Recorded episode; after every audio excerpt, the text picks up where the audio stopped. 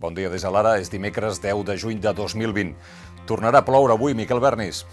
Sí, aquesta tarda els ruixats i tempestes es concentraran sobretot en comarques de Girona, però de nit pot ploure també a les de Barcelona i en punts de la Catalunya central. Avui l'ambient serà tan fresc com ahir, a l'espera que la calor repunti de cara al cap de setmana. A la portada de l'Ara avui aquesta fotografia del cantautor Pau Donés a la vorera del diari, al carrer Diputació de Barcelona, feta des de la finestra, d'una de les finestres de la nostra façana per la Ruth Marigot. Donés va morir ahir a causa del càncer als 53 anys. En Xavier Cervantes, el nostre especialista musical, explica quin artista van perdre ahir, l'autor de La Flaca o Depende, un riff, un toc cubà i una història senzilla, explica Cervantes. Al novembre del 18, Pau Donés va venir a l'Ara, va ser en aquest eh, plató, per explicar-nos que parava, però que no pirava. I, de fet, eh, tot just fa uns dies es va publicar l'últim disc de la vida de Pau Donés, un home amb un tarannà serè, empàtic, que quan va haver de fer front al càncer de colon ho va fer de cara.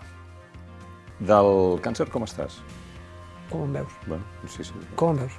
Bé, bé, veig Veus bé, bé? veig Ja bé, així. intens, divertit i... Així, així, així. Bueno, Sí, sí. doncs, Ara, fa res, eh, fa un- una estoneta abans d'entrar que t'ho he comentat, parlàvem amb el Josep Tabernero, mhm. Que és el cap de, de, del bio i, i bueno, un, un dels, dels metges que em, que em porten i em preguntava què, com va tot? Dic, doncs bé, jo estic amb la meva quimio, no? que ells, que ells supervisen i, i, i bueno, doncs, potser hi ha algun dia que estic una mica més, Més cansat, més, més cansat, més de forma, però llavors em deia, és que tu, hòstia, tens una fortalesa, i li deia, Josep, és que no és veritat això, perquè jo no sóc Superman, saps? Perquè si fos el Superman no tindria càncer. Superman no té càncer, ¿vale? I llavors, el que sí que el que he fet és una mica buscar veure on està el límit, no? O sigui, perquè el, el meu cos em diu una cosa, ¿vale?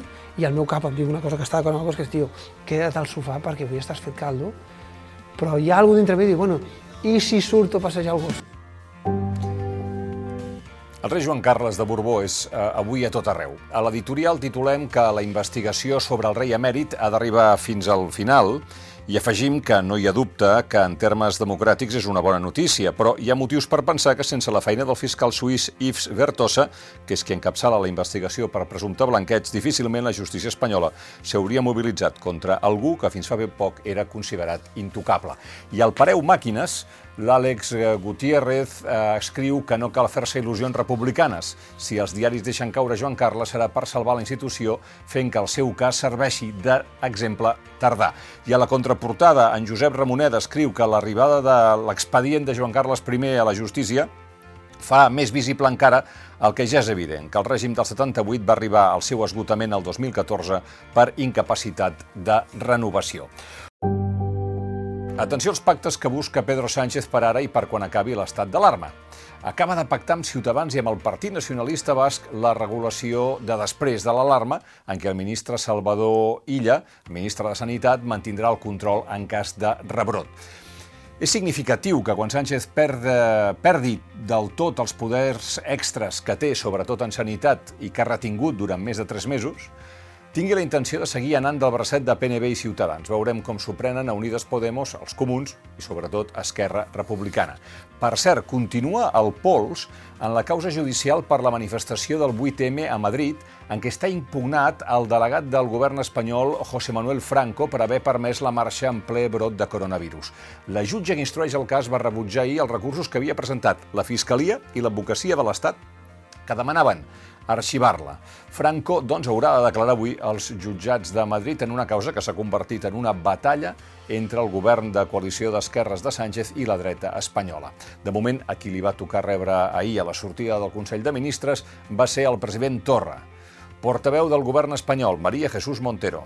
Ese asfixia Cataluña recuerda mucho mm, eh, España nos roba y por tanto eh, creo que eh, no tiene para mí más valor que, ese descontento permanente que el señor Torra quiere mostrar para seguir empeñado en esta lucha política.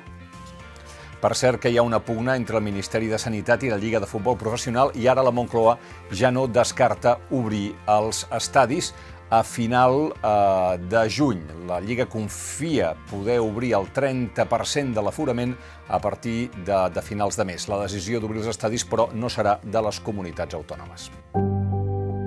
Mentrestant, el govern eh, continua intentant esmenar l'adjudicació que va fer a finals de maig a Ferrovial per fer un seguiment dels contagis de Covid-19. Ho fa després de la llau de crítiques que ha rebut tant de professionals sanitaris com de l'oposició. Però no serà senzill de fer. Ahir al matí la consellera de Salut, Alba Vergés, va dir a TV3 que segurament revertir el contracte amb aquesta nacional, amb aquesta multinacional, implicarà una compensació econòmica per la companyia. Ahir, però, cap de les dues parts, ni govern ni Ferrovial, van voler pronunciar-se més sobre aquesta qüestió.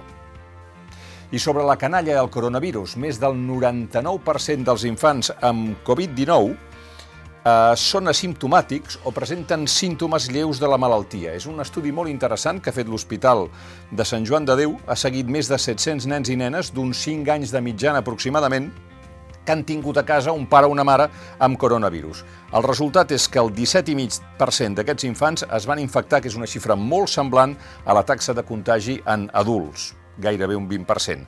Més de la meitat d'aquests nens estudiats van ser asimptomàtics i la resta van presentar símptomes lleus de la malaltia.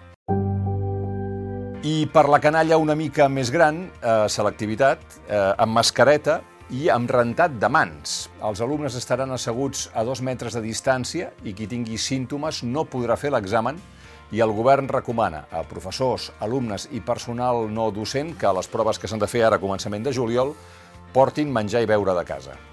I ja que som a les aules, un grup de famílies ha creat una iniciativa amb el nom Tornem a les escoles. Aquest eh, col·lectiu considera que els drets dels infants no han sigut una prioritat durant el confinament, critiquen la gestió que s'està duent a terme a la desescalada, ja que, segons ells, només es busquen solucions per a aquells sectors econòmics que tenen un impacte directe al PIB i a curt termini. I, per tant, creuen que l'educació n'està eh, quedant eh, exclosa. Demanen que es consideri l'escola com un servei essencial i que se'l tracti com a tal.